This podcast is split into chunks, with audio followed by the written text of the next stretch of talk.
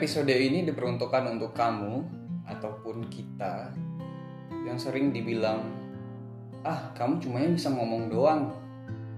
Oke, aku akan menanggapi beberapa hal yang terkait dengan kalimat "kamu cuma bisa ngomong doang." Ada tiga hal yang ingin aku sampaikan dalam kesempatan atau episode kali ini. Yang pertama adalah ngomong itu nggak doang. Ya, sering kali kita menganggap perihal berbicara, perihal ngomong itu adalah perkara yang gampang. Tapi nyatanya ngomong dan berbicara di depan orang dan mengemukakan pendapat itu bukan hal yang gampang. Tapi itu itu rumit sekali loh gitu. Banyak sekali orang-orang di luar sana yang tidak berani dan tidak bisa mengemukakan omongan ataupun pendapatnya.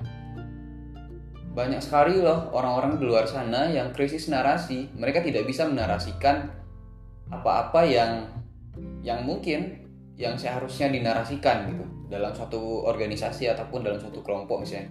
Seringkali kita temukan teman-teman kita yang ngomong ya itu-itu doang gitu. Orang-orangnya itu, itu aja. Yang selebihnya kadang nggak ngomong gitu. Karena ngomong itu lagi-lagi bukan perkara yang gampang dan bukan perkara yang mudah. Jadi ngomong itu nggak doang, dan kenapa aku juga kenapa aku menganggap ngomong ini nggak doang adalah ngomong itu butuh persiapan butuh pengalaman. Dan orang-orang yang ngomong itu pasti apa yang di, diomongkan dan disampaikannya adalah hal-hal yang terkait dengan pengalamannya. Entah itu pengalaman yang pernah dirasakan dan pernah dilakukan ataupun pengalaman yang yang yang cuman sekadar dilihat kemudian pengalaman yang sekadar dibaca dari buku. Not not sekadar ya. Tapi pengalaman yang dibaca dari buku. Kemudian pengalaman-pengalaman lain yang didengar dan sebagainya. Dan orang-orang yang ngomong biasanya mungkin juga adalah orang-orang yang banyak baca buku misalnya. Sehingga dia punya informasi yang lebih dan itu yang disampaikan kepada publik.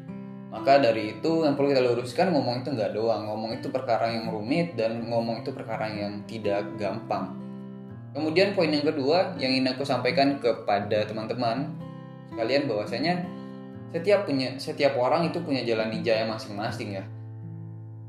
Uh, ini aku dapatkan kemarin gitu. Jadi di beberapa hari yang lalu aku coba buka question box tentang bagaimana pendapat teman-teman tentang ngomong doang. Dan ternyata ada yang jawab gini. Ada tipe orang yang yang konseptor, ada tipe orang yang eksekutor, dan ada tipe orang yang dua-duanya gitu. Ya lebih bagusnya sih dua-duanya. Dia bisa ngomong dan dia bisa langsung mengerjakan apa yang diomongkan tapi nyatanya dan dalam realitas sosial kita banyak sekali loh orang-orang yang dalam artian uh, berlaku sebagai konseptor dan mereka terbatas dalam eksekusinya. Nah itu menarik sekali bagi aku. Mungkin ada mungkin ada beberapa beberapa orang dari teman-teman kita itu tergolong ke dalam konseptor. Ya udah kita ambil baiknya gitu. Jadi ada juga yang jawab kemarin ya bang aku mendapatkan banyak insight dari dia kemudian ide-idenya dan sebagainya. Walaupun dia cuma bisa ngomong doang dan, dan tidak dan tidak bisa mengeksekusi nggak masalah. Jadi tergantung persepsi kita sih. Dari apa yang disampaikan dari apa yang diomongkan doang menurut kita itu kita bisa ambil baiknya apa. Karena banyak sekali loh orang-orang yang di luar sana bisa tergerak gerak gara-gara ngomong gitu gara-gara omongan orang lain. Teman-teman pasti sering kali termotivasi itu gara-gara omongan di TikTok misalnya. Gara-gara omongan di YouTube misalnya. Gara-gara omongan di Instagram. Dan kata-kata yang lain misalnya. Banyak sekali loh orang motivator-motivator yang dia ada di luar sana. Kadang mereka tidak menunjukkan apa yang telah mereka eksekusi. Tapi kadang melalui kata-katanya susunan diksi dan dan semuanya hingga menjadi suatu kalimat dan redaksi yang mereka sampaikan kita bisa termotivasi dan kita bisa bisa semangat. Nah, ini kan adalah satu hal yang menarik yang perlu kita kita garis bawahi dan kita pelajari dengan seksama. Betapa ngomong itu bisa mempengaruhi orang lain dan kalau misalnya dalam dalam suatu komunitas kita, dalam circle kita, dalam organisasi kita ada orang-orang yang demikian ya udah kita coba ambil insight yang bisa diberikan dan ide-idenya dan kemudian kita yang eksekusi. Bukankah itu fungsi dari suatu organisasi saling melengkapi? Menarik bukan? Kemudian yang ketiga, poin yang ingin aku sampaikan adalah omongan adalah doa. Aku sangat percaya ini omongan adalah doa. jadi orang-orang yang ngomong itu itu adalah bentuk dari bagaimana mereka mendoakan diri mereka sendiri aku sangat yakin dan percaya bahwa ketika kita ngomong itu nanti bisa menggerakkan yang lain. Entah itu di entitas di luar kita ataupun ataupun diri kita. Kadang sering kali ada orang yang suka ngomong dan dia sadar dia belum bisa melakukan itu. Tapi dia mau ngomong mengatakan itu menyampaikan itu. Salah satu tujuannya adalah untuk uh, apa ya mengubah dirinya sendiri. Karena ya kita sama-sama tahu ketika kita mengomongkan membicarakan sesuatu uh, ada suara yang keluar kemudian diserap oleh telinga kita dan itu merubah mindset dan pikiran kita sehingga nanti goalsnya bisa merubah tindakan kita.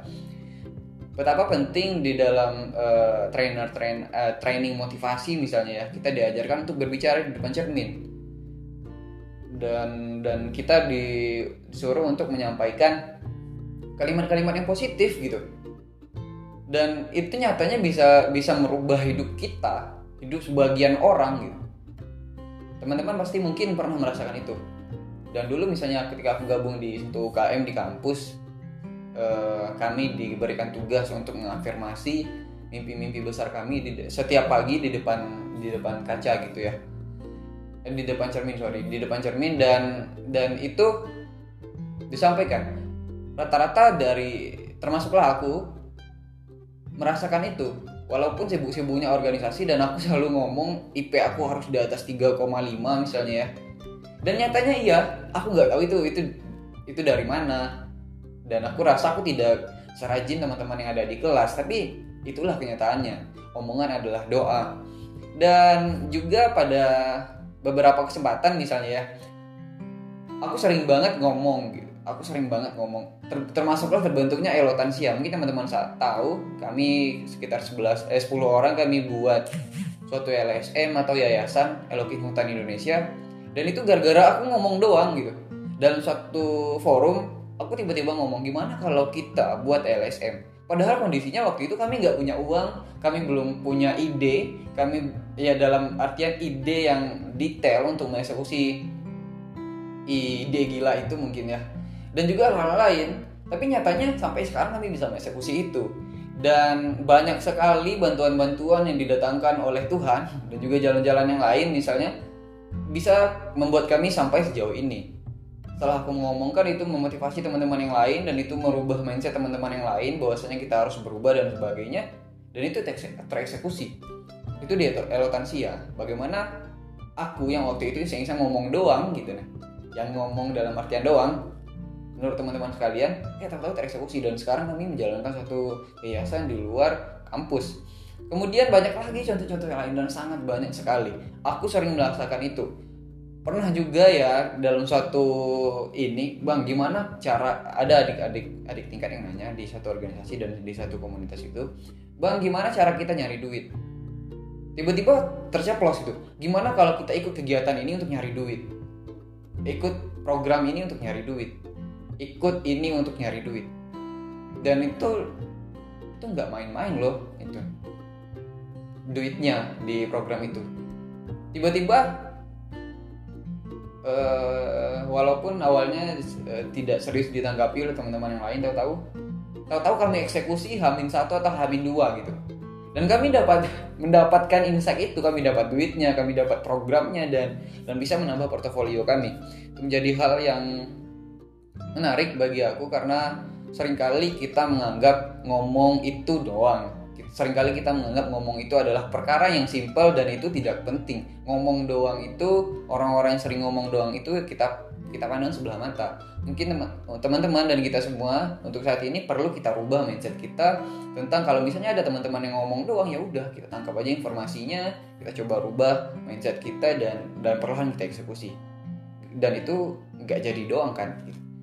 Oke, okay, thank you itu itu saja episode kali ini. Mungkin terkesan menampar ya untuk beberapa orang, tapi aku coba ambil posisi positifnya dari kalimat untuk kamu yang sering ngomong doang. Thank you, sampai jumpa di minggu depan.